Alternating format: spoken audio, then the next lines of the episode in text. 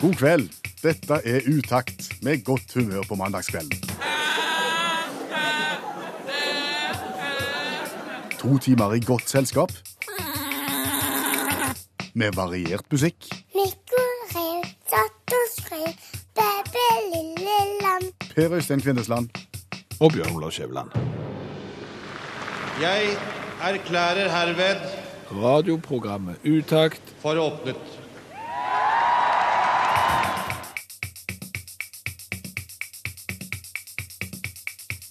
En sommer er over, men utakt-høsten er også vakker. Så fint går det an å si det. Så fint går det an å si det. Det er lyrisk alt. Velkommen til sesongpremieren på Utakt. For å si det sånn, noe er nytt, men formålsparagrafen er den samme. Ja, og formålsparagrafen til utakt er vi skal prøve å skape godt humør på mandagskvelden, og så skal vi prøve å være godt selskap. Og har vi klart det, så er vi kjempefornøyd. Da er mye gjort. Og hvis du vil hjelpe oss underveis, så har du flere kanaler inn i programmet. Det er noe som heter svakstrømsmelding. Det er noe du sender med mobiltelefonen din. Send en SMS til 1987, start meldingen med utakt. Eller så kan du følge oss på Facebook underveis, som programmet skrider fram mot midnatt. Skal vi begynne med å se oss litt tilbake på sommeren som er forbi?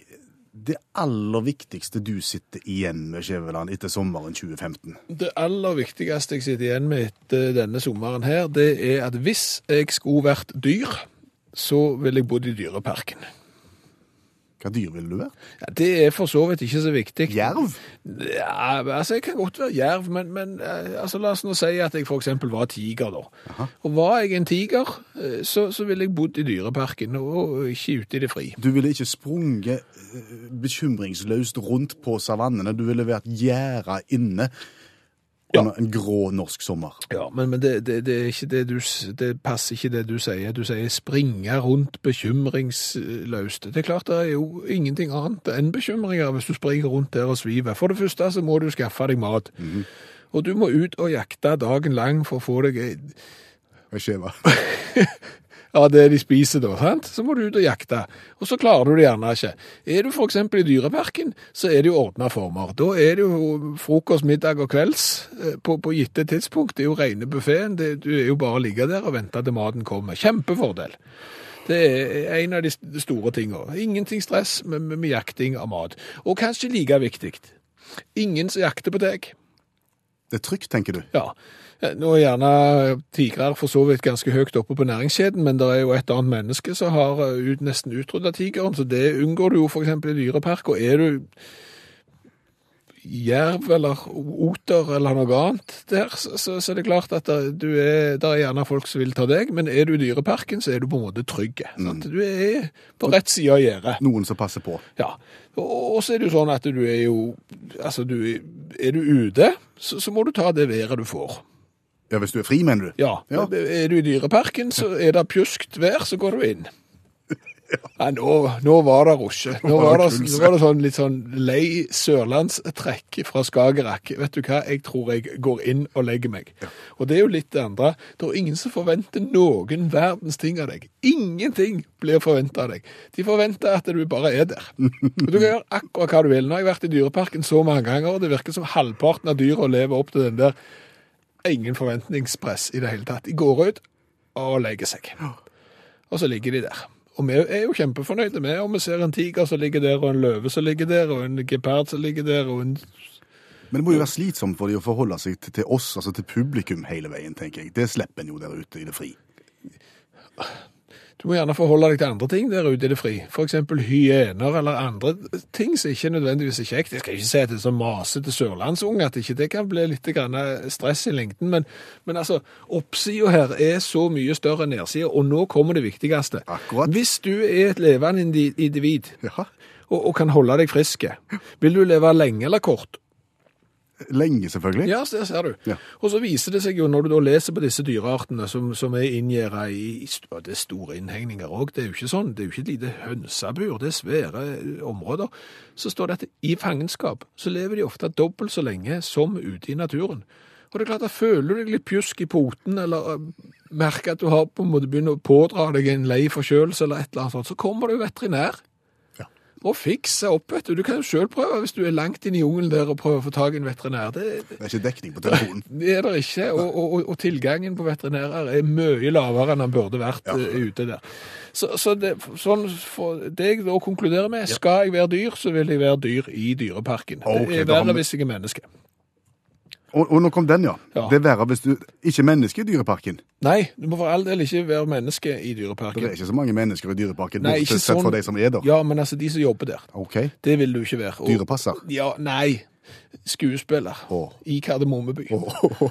Åh, du allvideste verden, det må være den verste jobben i hele verden. Dag ut og dag inn, ta på den samme uniformen, kjøre det samme nummeret 2500 ganger mot en eller annen oppstandasig liten østlending med rosa skjorte som driver og drar deg i buksa. Sånn. Tenk deg der å være trikkefører Syversen og kjøre den der trikken fram og tilbake. Åh. Og hvis du var dyr, Skjæveland, så ville du gjerne tilbrakt livet i dyrepark av uh, ulike årsaker. Ja, og så har jeg fått et innspill fra Vera på SMS. Hun har sendt en SMS til 1987, starta meldingen med utakt, og hun sier at det er jo ikke mye privatliv da i dyreparken. Og der vil jeg jo bare kontre inn med en gang at eh, litt mangel på privatliv, det er ingenting mot å få lov å bo i fangenskap. Den fordelen det er å bo i fangenskap. Så det tåler du. Men så er jo spørsmålet.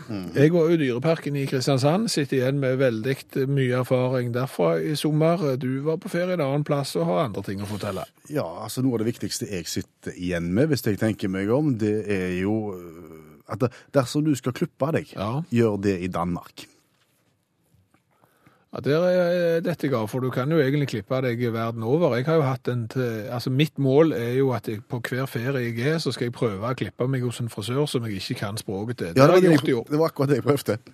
Det var akkurat det jeg prøvde. Det- Du har tatt den ideen der, ja. Yes, sorries, så jeg gikk til en danske. Du gikk til danske i byen I Ebeltoft. i Ebeltoft. I koselige Ebeltoft.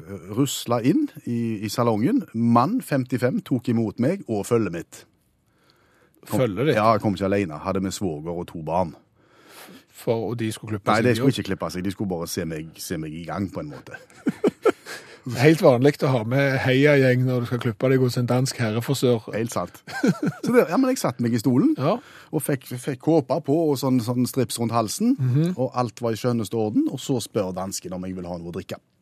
OK, det var jo sympatisk. Det gjør de der jeg klipper meg bålgård òg. Da spør de om jeg vil ha kaffe. Ja, Men her var det fritt valg. Vil jeg, vil jeg ha kaffe? Vil Ja. jeg ha brus? Vil jeg ha bayer? Vil jeg ha brennevin? Vil jeg ha hva, hva som helst kunne jeg få. Kunne få øl og brennevin hos frisøren. Ja. Hva tok du? Bayer. Du tok en bayer. Bayer. Den ble servert, og kom dama ut fra siderommet med bayer. Ok. Yes, sorry. Eh, så ser frisøren mann for 55 bort på følget mitt. Ja, på heiagjengen. Ja, som ennå ikke har gått. Men dere skal vel ikke bare sitte der uten å drikke dere, eller? Vil dere ha noe? Så da fikk ungene òg bayer. Ja, han sa det, og så lo han. Men nei, nei, ungene skulle ikke få bayer, ungene skulle få brus. Okay. De fikk velge brus, hver sin brus. Svoger kunne velge mellom det, det, det samme som meg, og valgte bayer. Ja. To bayer og resten i oljekola. Yes, sorry. Og der gikk vi i gang med klippingen. Og, og, og dansken snakket om Norge, han var på norgesferie ofte og hadde, hadde stålkontroll på det meste. Og koselig var det. Cirka en times tid så var det over. Én time.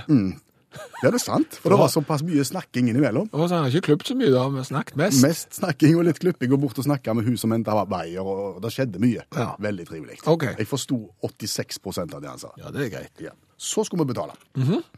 Hvor mye koster det å klippe seg i Norge? Eh, I Norge det er ca. 350 kroner før de har begynt å se på deg, og så ser de på deg, og så stiger det en hundrings 450 kroner. Hvor mye koster ei øl servert ute? Eh, 1000. Nei. Nei, den koster 80. 80. Altså 160 for to. Da er det 450 pluss 160.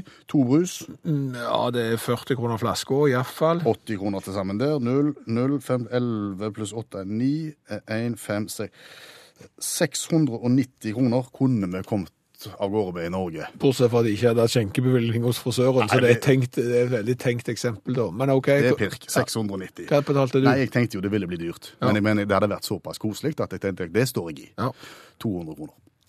200 danske. 200 danske skulle mannen ha. Ja. For, for to, to pils, to brus og en time med klipp. Ja, og ennå hadde han ikke vist meg hoggormen han hadde på sprit. Hadde en hoggorm på sprit. Ja, Fikk du smake på den òg? hoggormen? Ja.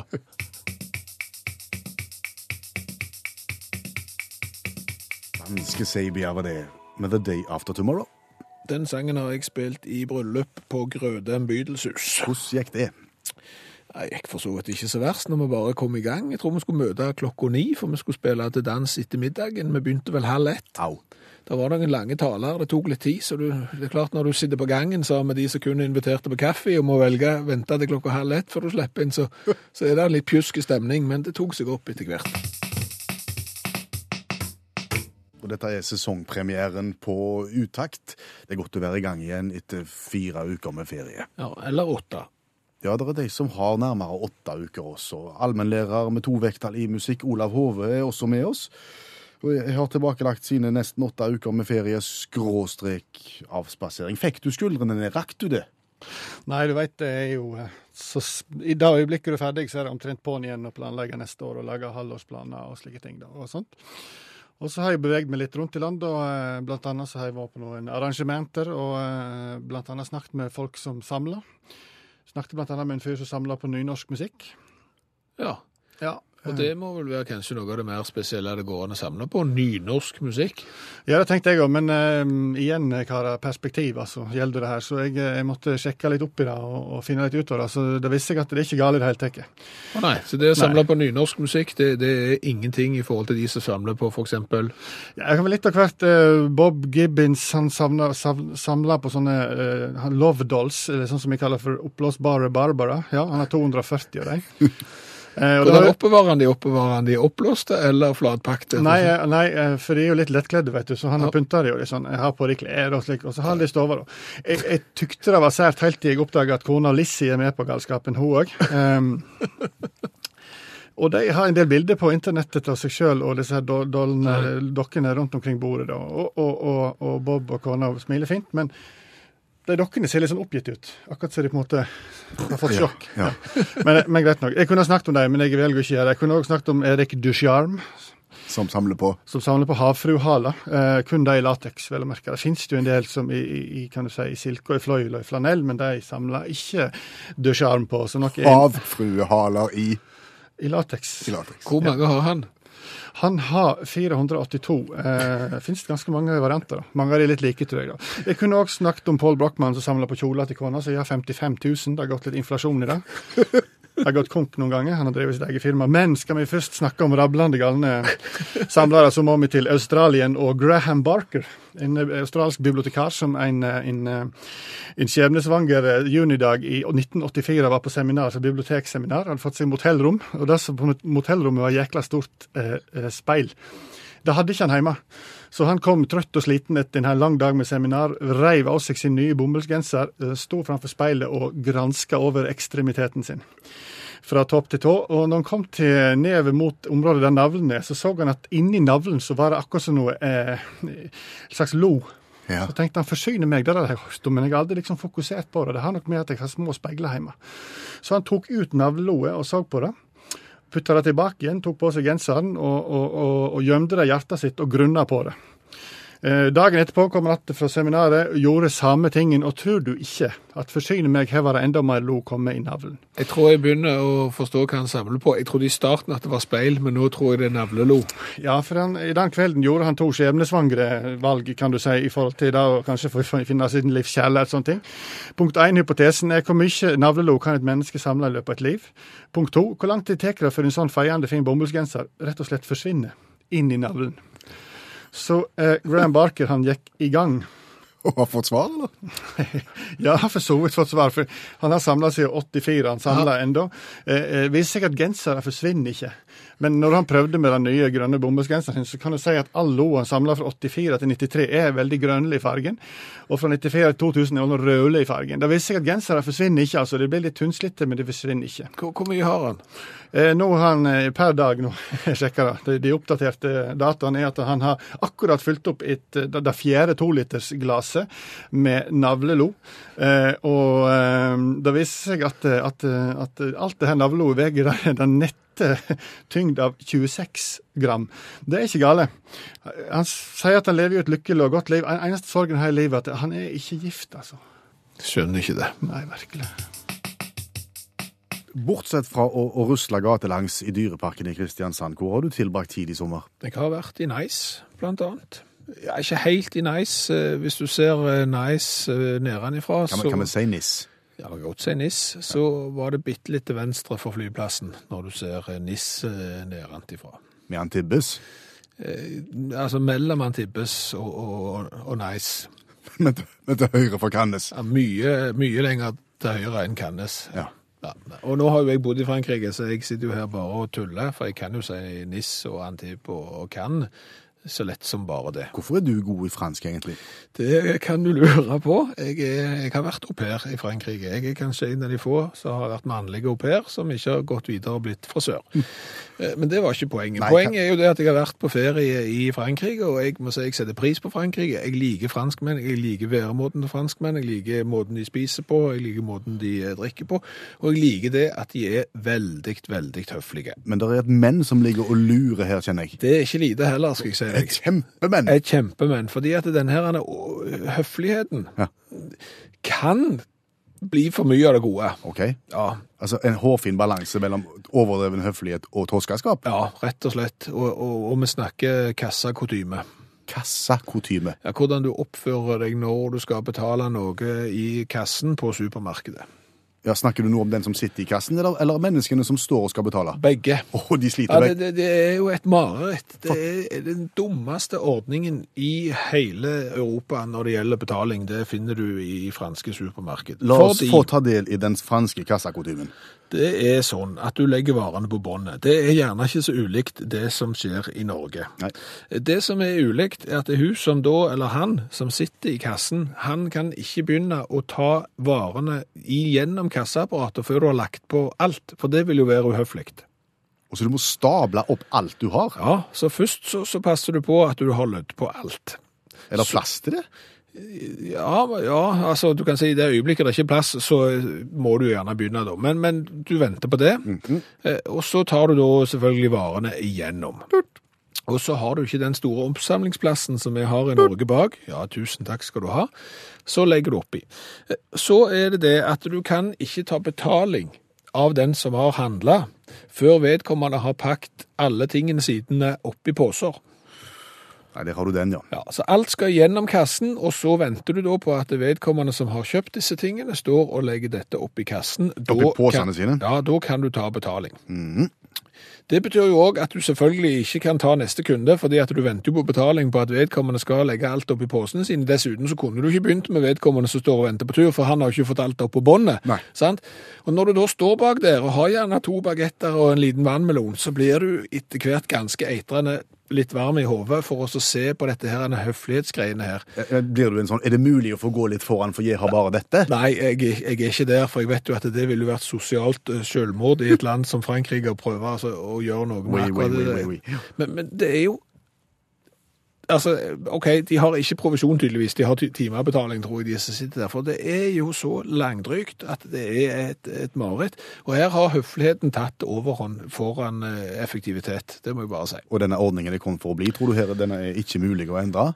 Altså, Vi kan jo sette ned et eh, offentlig utvalg som gjerne kan påvirke Den europeiske unionen, som igjen kan eh, lage et regelverk for hvordan eventuelt kassabetjening skal oppføre seg, hvordan varene skal legges på bånd og hvordan det skal betales. For det er klart, her i Norge hiver vi på, og med en gang du har fått det gjennom, så betaler du, så begynner du å pakke, og da er allerede nestemann halvveis ferdig med å ta Her gjennom. trengs det en handlingsendring. Phil Collins og Genesis. Har jeg tilfeldigvis fortalt deg på, Øystein, at jeg har håndhilst på eh, vokalisten i Genesis, Phil Collins? Jeg, jeg føler jeg har hørt det før, men, men jeg er ikke sikker på at andre har hørt det. Nei, jeg, jeg er ikke sikker jeg heller. Så nå, men nå er det iallfall Nå er den bomba sluppet, så, så da trenger vi ikke si det igjen. Så vil vi gjerne få lov til å anbefale videoen til sangen. Ja, Jesus He Knows Me er vel kanskje en av de artigste musikkvideoene som er lagd. Eh, Gå inn på YouTube og sjekk ut den. Quiz, Skjæveland. Ja. Eh, hva tror du vi skal snakke om i programmet Uttakt nå? Jeg tror vi skal snakke om konkurransen. Eh, tror du at eh, dagens konkurranse i sesongpremieren av Uttakt er helt lik den konkurransen vi har hatt de siste to årene? Det tror jeg. Den er ikke det. Ja, den er ikke det. Det var feil svar, det. For der den tidligere konkurranseformen vår var spørrebok eh, Så er denne spørrebøker dominert. Ja. Så vi har gjort et kvantesprang der, altså. Ja. Eh, nå er det jo sånn at å forklare regler er jo alltid veldig enkelt. Eh, Du har gjerne prøvd å lese bruksanvisningen til forskjellige brettspill. Du forstår ikke en puck før du spiller spillet sammen med noen andre. Da skjønner du plutselig hvordan det var med en gang. Ja, og sånn er det kanskje litt med konkurransen i utakt òg, men la oss nå forsøke å beskrive hva vi har tenkt. Eh, Det vi har tenkt er at jeg sprer ut seks forskjellige spørrebøker foran meg. Ok, Går det an å si noe om hvilke spørrebøker vi da har foran oss? Det går an å si noe om det, Per Øystein. Vil du si noe om de seks spørrebøkene du har foran deg? Veldig glad for at det spørsmålet kom, for den ene jeg har, det er Swish Pop Quiz. Ok, Musikkspørrebok? Ja, så har jeg eh, min første spørrebok. Det er en spørrebok basert på veldig, veldig, veldig små barn. Den er kjempetynn med store bokstaver i. Ok, Barn og musikk? Ja, så har jeg spørrebok nummer tre. Det er da feriequiz. Okay. 1000 spørsmål og svar for hele familien. Greit, litt av alt. Ja, så har jeg spørrebok nummer fire. Eh, Det er da erotisk quiz 669. Ja, ikke tilfeldig der altså. 669 pirrende spørsmål. Vovet bok der, altså. Ja, eh, så har jeg eh, nummer fem. Ja. Spørrebok for leseglade damer. Akkurat. Den er der veving på framsida. Veldig flott vevt motiv. Før jeg til slutt har spørrebok nummer seks, som en fotballquiz. Ok. Sy 707 spørsmål og svar om Haugesundsfotballen. Med, med en liten VM-quiz som bonus. Den, Så det er de-. Ja, så det er de seks spørrebøkene jeg har. Og så tenker jeg å legge de ut på bordet foran meg i vilkårlig rekkefølge. Så skal konkurransedeltakeren velge 1, 2, 3, 4 eller 5 eller 6. Og havner da enten på erotisk quiz, eller på Haugesunds fotballquiz, eller på reisequiz eller musikkquiz, alt dette sånn. Ja, og så tar vi et tilfeldig spørsmål. Jeg gjør eksempel sånn med boka at jeg bare Stopp! Stopp, ja. Og så havner jeg på eksempel side 86, som er nabolandet Sverige. Yep. Så velger du et spørsmål. Nummer seks. Nummer 6, og så spør jeg eksempel hva heter hovedstaden i nabolandet Sverige? Ja, den er grei, tenker jeg. Ja, den heter ikke det. Heter Stockholm. Og stemmer, stemmer. Beklager. Og, og, og så får du et eh, spørsmål. Og så gjentar vi det eksempel eh, to ganger til.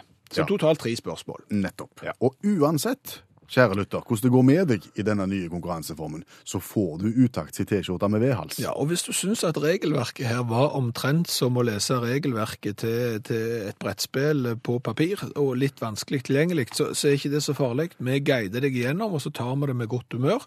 Og så håper vi at vi ingen trekker ut eh, spørsmål fra erotisk quizbok og 669 pirrende Du gruer deg litt til den. Om jeg gruer meg, det er noen spørsmål som er så grove at jeg tør ikke lese det høyt engang for meg sjøl. Nå må du melde deg på hvis du har lyst til å være med på dette her. Og da sender du en SMS til 1987, starter med utakt, og så skriver du navnet ditt og hvor du melder fra. Så skal vi foreta en trekning i løpet av 10-12 minutter, og når klokka er fem over 11 cirka, Så turer vi i gang. Send en SMS til 1987, start melding med utakt, fortell hva du heter og hvor du bor. Er dette den lengste program, eh, eller konkurranseintroen du noensinne har hørt? mulig Tande P hadde en som var noe lengre. Ja, det kan ikke være mange sekunder iallfall. Vi har en melding til Johan G. Pedersen. For tiden på ferie i Strømstad. Du er trukket ut til å være med i utaktskonkurranse. Hei, Johan. Hei, hei. Er alt vel på camping i Strømstad? Ja, her er alt vel. Beskriv det du ser rundt deg. Fint, vær og Så nå er jeg på tur med madammen og katten. Med madammen og katten, og så skal du delta i konkurransen. Og Ja. vi har jo på en måte utvida konkurransen litt i forhold til sånn som vi pleier å gjøre, så nå skal vi kjapt gå igjennom det nye reglementet. Ja, vi har seks spørrebøker. De har jeg lina opp på pulten foran meg fra én til seks. Du velger et nummer, jeg velger ei bok, og så tar vi og finner et spørsmål som vi stiller. Så gjentar vi det et par ganger.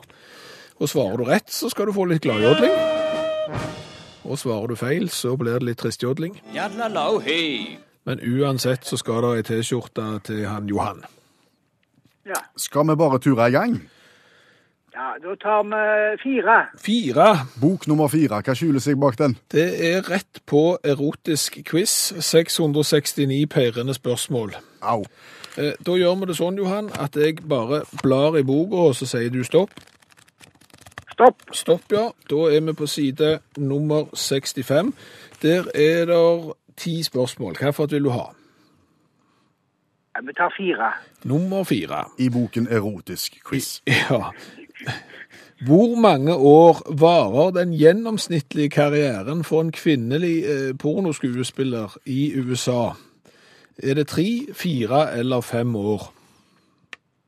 Jeg tipper på tre, jeg.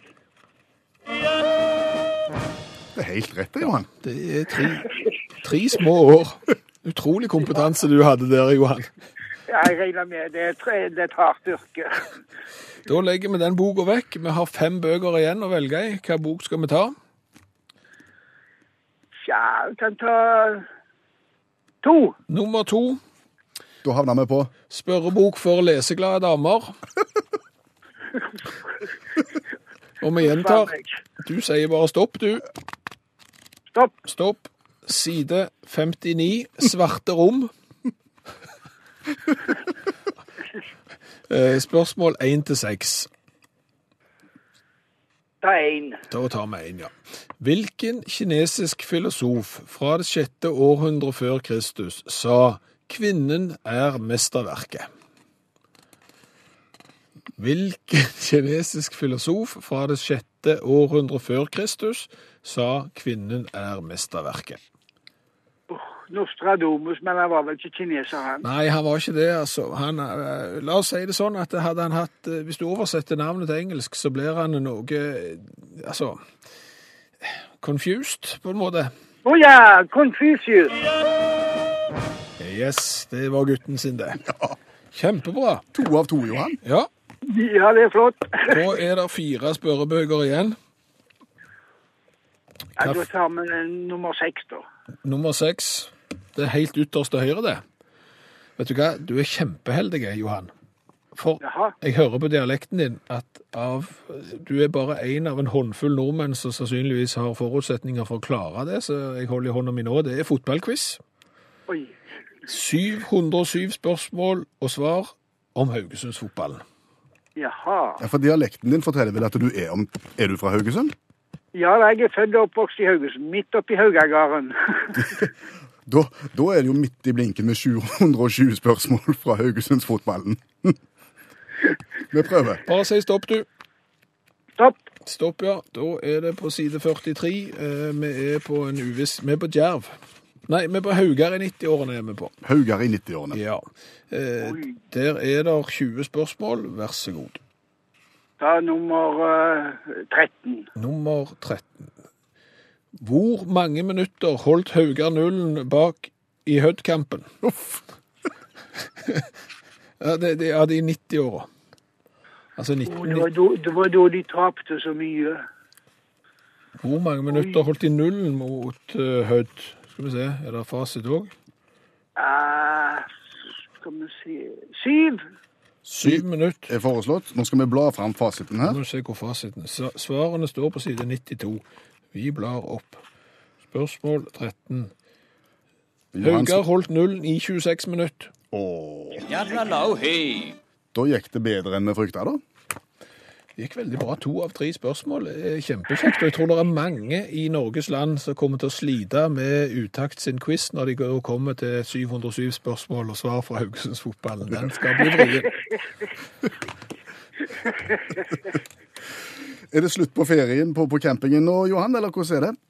Nei, vi er bare så vidt begynt nå. For vi var fem uker inne i Hesjadalen i Tysvær på hytta og ble så lei av regn at vi pakket bobilen og kjørte på tur istedenfor. Det hørtes herlig ut. Blir det noe bacon og, og, og, og sånn på vei hjem? Ja, vi gjør vel det. Ja, litt Men jeg må, vi, vi må nok hjem om ei uke, for jeg skal til Liverpool om uh, halvannen uke. For å se kamp? Ja, jeg skal se Liverpool Westham, og så skal jeg på Beatles-festival. Oi, oi, oi. Da kan vi fortelle deg det at Liverpool vant i kveld eh, 1-0 mot det nyopprykta laget fra badebyen, Bournemouth.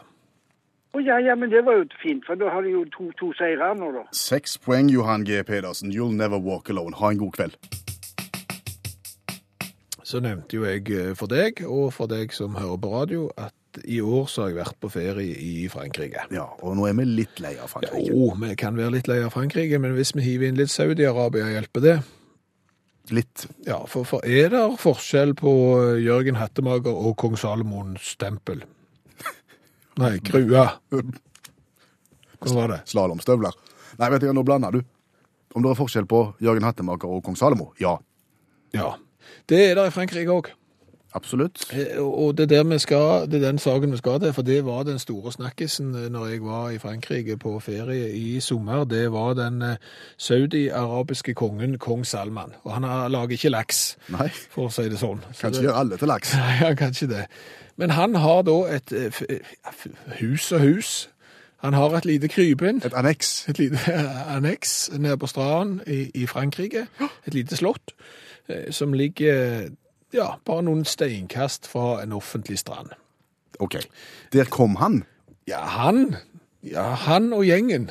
Kom. Kong Salman av Saudi-Arabia tok med seg de tusen nærmeste kameratene sine, og, og reiste da på ferie til den franske rivieraen ned på slottet sitt. Og det er klart, når du har tusen kamerater, så flyr du da i to Boeing 747-fly, så du må lande da på flyplassen i Nice. Såpass må det være. Ja, og for de som ikke vet hvor store Boeing sine 747-fly er, de blir kalt for jumbojet og er kjempesvære.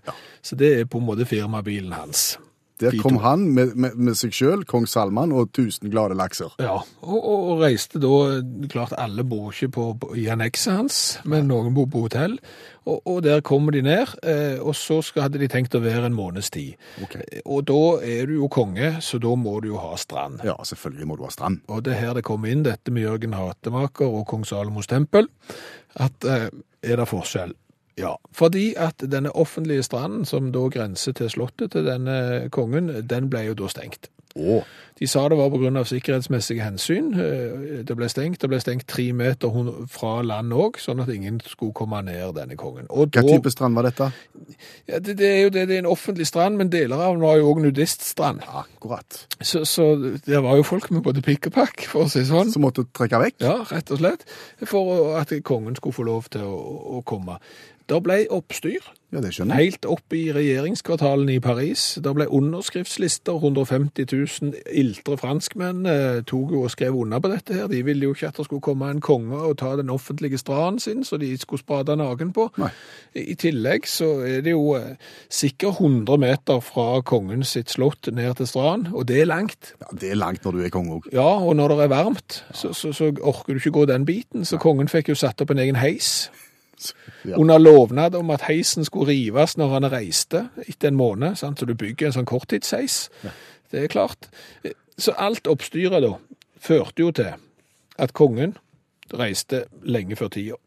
Han syntes ikke det var noe kjekt å være der. altså, han har jo ikke sagt at det var det, men han forflytta seg til Marokko eh, og, og forlot den franske rivieraen med to jumbojeter og sine tusen nærmeste kamerater for istedenfor å reise til Marokko, og dermed så kunne eksempel folk igjen sprade nakne på stranden i, eh, i Sør-Frankrike. Kunne de kjøre heis òg? Heisen den fjerna de, så bare fundamentet sto igjen. Jose de la Vita slash Can't Stop Thinking of You, Eros Ramazzotti slash Tina Turner. Er det for lite tospråklig populærmusikk? Jeg, jeg, jeg følte jo litt på det når jeg hørte den akkurat nå. Italiensk, eh, engelsk, det er vel primært eh, De store hitene er vel på tysk-engelsk. Ja, Østerriksk-engelsk er vel det aller største. Da er vi på Falco. Da er vi på Falco. Falco er den største eksponenten for det. som eh, blant annet eh, Rock me, rock me, rock me, rock me, rock me, Amadeus. Jeg var så superstar, jeg var så populær. Ja, og, og Genie. Genie, come, come on. Steh auf, bitte. Ja, der har du det. Det er for lite. Det må mer. La oss snakke om Utakt sin store coladugnad som ruller videre sterkere enn noensinne. Absolutt. Fordi det er for deg som ikke har hørt eh, dette her eh, før, så er det sånn at Utakt har tatt mål av seg til å være det radioprogrammet i hele verden som i løpet av 2015 har smakt på flest forskjellige typer cola. Ja, og for at vi skal klare det, så har vi bedt om cola fra deg som hører på, hvis du er ute og reiser, og får en respons. Ja, absolutt. Da dette inn med cola, og nå er det kanskje en og annen kritiske sjel som vil si, kan det være nødvendig å smake på dette her? Hvorfor er dette viktig? Jo, nå skal jeg fortelle deg det, at drar du eksempel til Ukraina, så lurer du gjerne på, skal jeg kjøpe Isy-cola der, eller skal jeg eventuelt velge en annen? Da kan vi fortelle deg at velg en annen, Ja. eksempel. Eh, Og, sånn er det. Det er et vell av cola i verden, og vi hjelper deg og guider deg gjennom noen du skal ta, og noen du skal unngå. Og som sagt så er responsen så vanvittig at vårt kjøleskap renner over. Ja, så vi måtte rett og slett ta et samleheat nå før eh, første program, og vi tok ikke mindre enn 11 colaer i en snabbtest. Vanligvis så tar vi én hver mandagskveld, og det er det vi skal fortsette med utover høsten. Men som vi sier, vi måtte ta for oss en, en, en god gjeng nå i sommer for rett og slett for å gi litt plass i kjøleskapet. Ja. Nå skal du få høre litt av hvordan det gikk. Vi starta med, med den sørkoreanske Macolen. Vær så god, Per Øystein, begynn å smake. Jeg ville jo kalt den for Mecola. Hvis jeg hadde En vært deg. forferdelig farge. Huff a meg. Fy. Det er det definitivt. Det er det verste jeg har. Ei, Null. Null. Fy. Hvordan har vann å skylle imellom her? Nei, nei, vi går rett videre. Vi går til Østerrike, til Messomiksen. Kan ikke bli verre. Messomiksen har da en liten kust av oransje, sier han, så da er det Alt var mye bedre. En åpenbaring i forhold. Den var heldig med plassering, at han kom bak den. Ja. Videre, videre til Tyrkia og til Le Cola. som Den har jeg tro på. den har en farge som ligner på cola. Det var ikke galt. Ja, det var ikke verst. Det var opptur. Fem, Seks på smak. seks. Easy-colaen fra Ukraina. Så det er bare å drikke og satse på at det er strålende. Smaker becquerel. Dansk Carbo-cola. Ja, ja, ja, ja, ja. Danskene kan mye. Lite smak. Uhyre lite smak. To. Fresh-cola fra Ungarn. Åh, samme fella. Lukta sparkjøp Ja, lang vei. ja, ja, En. Vi går videre til Tyrkia, til Bicolaen. Bicolaen er jo sånn at alle skal like den. Ja, hvis ja, du ja, skjønner. det er noe for enhver smak. To. Ja, jeg liker jo sånn, jeg. Tre. To. Spania. Det er beiskt. Fy. Dagens beste. Ser du det? Ja. Nå er det siste. Internasjonale cherry-colaen fra Coca-Cola. Vi har jo tidligere prøvd Pepsi Cherry. Den gikk nedenom og hjem. Det var noe av det tristeste som har vært. Vil du se seg om denne her i været? Svaret er nei. Hvem er det som kom på å kombinere pisset med cola? Det er jo katastrofe. det, det er nuller igjen. Ja, det, det, det er null. Null. Og lilla variant. Altså lilla variant. Det minner om brøstningspanel, og det er terningkast null. Og det, ja, det er null i alt sunn cola. Men eh, Ja, da var det gjort. oppsummert. Oppsummert. Noen vil nok kritisere oss for å være ikke spesielt grundige, men ingen skal si vi ikke har smakt. Nei. Nei, det gikk unna. Det gjorde det. Og, og, og det var jo veldig få høydepunkt eh, her. Eh, Klart eh, Sherry Cola, eh, forferdelig. Enda verre, den sørkoreanske McCoolen. Ja, Det var den vi starta med. Hvis du skal beskrive hva det var for noe? Ja, hva var det? Veldig lite informasjon tilgjengelig på et språk vi forstår, men vi har forstått såpass at det er bygg, altså kornsorten bygg i den colaen. Det gjør jo at den lukter gjære og, og smaker pyton. Bokstavelig talt. Fatter ikke at det går an å selge det. Det eneste positive du kan se, er at etiketten ligner, ligner på et dataspill fra 80-tallet. Ja. Det er det beste. Ja, Så raste vi gjennom mange, og så hørte vi at på midten omtrent så stoppet vi litt opp. Ja, den var bra sammen. Dagens beste, sa vi. Det var da den spanske La Casera. Eh, Litt vanskelig å finne informasjon òg om La Casera på et språk som vi forstår. Det står på spansk. Har vel forstått såpass at eh, han Francisco Ja. eh, emigrerte fra Frankrike i 1873, skulle til Argentina, kom aldri så langt, fant seg ei dame i Spania. Og starta brusfabrikk. Eh, Det jeg er litt usikker på, for der, når jeg prøvde på sånn oversettelsesprogram, Ja. så, sier han, mener han at han slo seg opp på vannlås. Så, så, så kom krigen, og, og mulig, etter det jeg har grunn til å tro, at etter krigen så gikk han fra vannlås til, til brus. Ikke helt bombesikker, men iallfall i år 2015 så kommer det en boks med La Casera til Norge, og vi testa den, og den kom ikke så galt ut av det. Nei.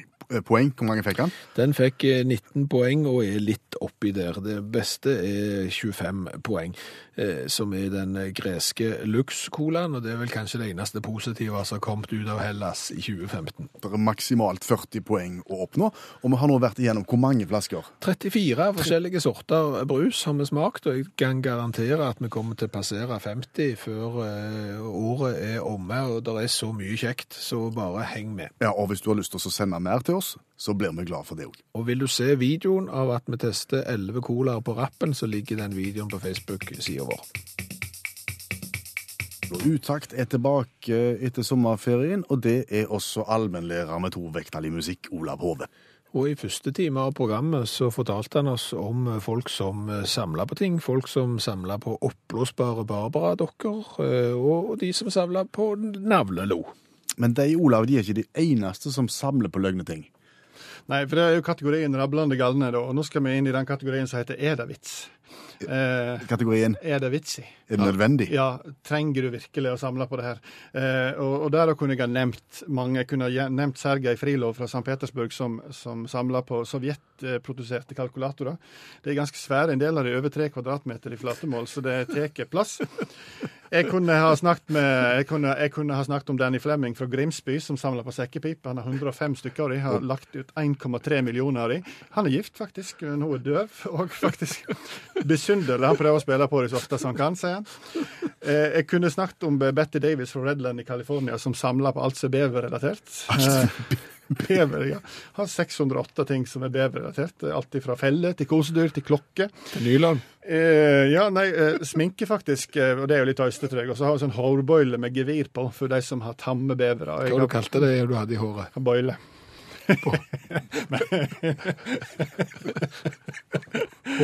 Bøyle. Boile. Jeg kunne snakket om dem, men jeg velger å ikke gjøre det. altså, fordi at Jeg vil snakke om David Morgan fra Fullbrook i England. Eh, nå tenker sikkert noen hvor er Fullbrook hen? Det er i nærheten av Burford. Å ja, nå ble det mye tydeligere. Ja, og Burford er i nærheten av Ducklington, som igjen er i nærheten av Oxford. Og da er det praksis i London. Oh. Ja. Så David Morgan, omtrent fra London, han, eh, han eh, I 1986 så var han på vei hjem fra en eh, heidundrende suttetur med, med revisorkompisene sine og kom inn i et eh, omkjøringsarmageddon i nærheten av Biggleswade, som er øst for Milton Keynes. Det blir mye geografi her, men, men da jo pla praksis i London, da. Eh, jækla mye sånn kjegle, sant? Så Trafikkjegle. Han syntes det var forferdelig mye trafikkjegle. Eh, så så han at det faktisk var flere typer av dem, så han eh, tenkte hm, hvor mange typer trafikkjegler finnes det i verden? Så han gikk i gang og samla. Eh, var litt smart og fikk seg eh, jobb på Oxford Plastic System, som vi alle vet eh, produserer plastting. Eh, så han samla hadde 137 ulike typer kjegler og kom i Guinness rekordbok. Og så har han dundra løst, og nå har han 550 ulike typer eh, trafikkjegler. Eh, han har bl.a. Lundwell-kjegler fra, fra Skottland, og den er jo helt tilbake fra 1956. Eh, men det som er på en måte sorgen i livet, er at han har ennå ikke funnet den hellige gralen av eh, trafikkjegler, eh, nemlig den femkanta fra Manchester. Han sier sjøl at han har hørt sagn og segner og myter om denne her kjegla, og at hun eksisterer. Han vet ikke om det sjøl, men han sier at hvis han får tak i henne, så er det omtrent som å møte Elvis lys levende. Forteller historien om noen hvordan han oppbevarer disse over 500 forskjellige trafikkjeglene. Yes. Har han lagt en egen omkjøring hjemme, eller? Nei, for her kommer kona inn i bildet. For hun sier at han har det stort sett i garasjen, men han liker å stille det ut, pusser på dem og viser dem fram, for han er glad i designet. Noe som er helt i orden for henne, men det er hun som har ansvar for å slå plenen. Dette her er helt sant. Så sier at det har vært en del disputter rundt det når hun skal slå plenen, så han stilte ut 550 trafikkjegler. Alle helt ulike, selvfølgelig. det er mye kjegling og sånn.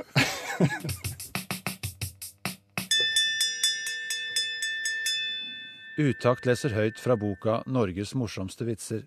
De beste vitsene fra NM i humor. Prosentregning. Han Hermod var i det filosofiske hjørnet der han satt ved kjøkkenbordet sammen med naboen og koste seg med en liten en.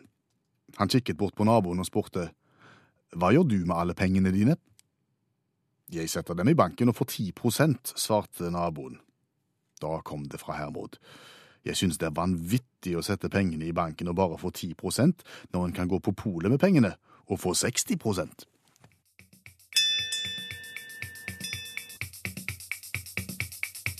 Og da er det om ikke lenge slutt på sesongens første uttaktprogram. Ja, og vi har fått en uhorvelig mengde med SMS-er. Det er så mange som har savna hattevitsen.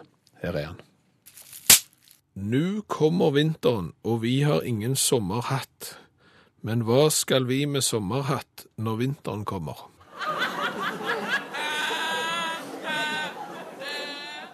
Føltes godt å få han med. Ja, han passte egentlig nå.